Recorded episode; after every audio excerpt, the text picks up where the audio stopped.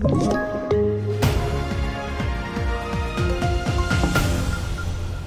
TV4-nyheterna börjar med att Konjunkturinstitutet, KI, skriver på sin hemsida att svensk ekonomi kommer att gå in i en lågkonjunktur nästa år.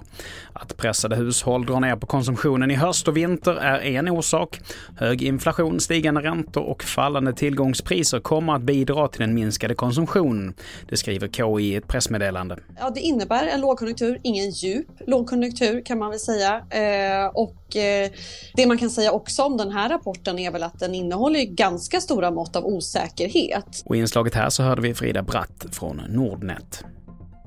Vidare till Frankrike där polis sköt ner en knivbeväpnad man på Paris flygplats. Det rapporterar nyhetsbyrån AFP. Mannen beskrivs som hemlös och när han inte lydde polisens uppmaning att lägga ner kniven så avlossades skott.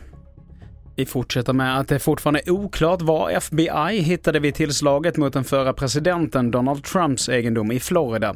Händelsen har utlöst en politisk storm i USA och ledande republikaner har kommit till Trumps försvar. Enligt en advokat måste motiven för razzian ha varit starka. Normally, you need a federal judge or magistrate to sign off on a warrant by finding that probable cause exists of a crime and that Mar-a-Lago has evidence of the crime at that location. But when it comes to a former president, the burden is even higher. Här hörde vi Dave Arenberg som är advokat i Palm Springs.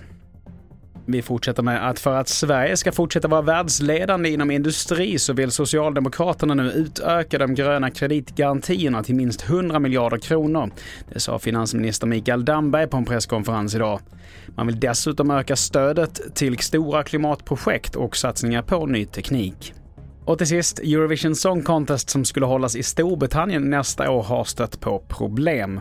Det finns nämligen inga arenor som har tillräckligt många lediga datum för att i nuläget kunna hålla tävlingen, det skriver BBC. Det beror på att tävlingen behöver ha konsertställena för förberedelser i upp till åtta veckor innan själva tävlingsdagen. Fler nyheter hittar du på tv4.se. Jag heter Mattias Nordgren.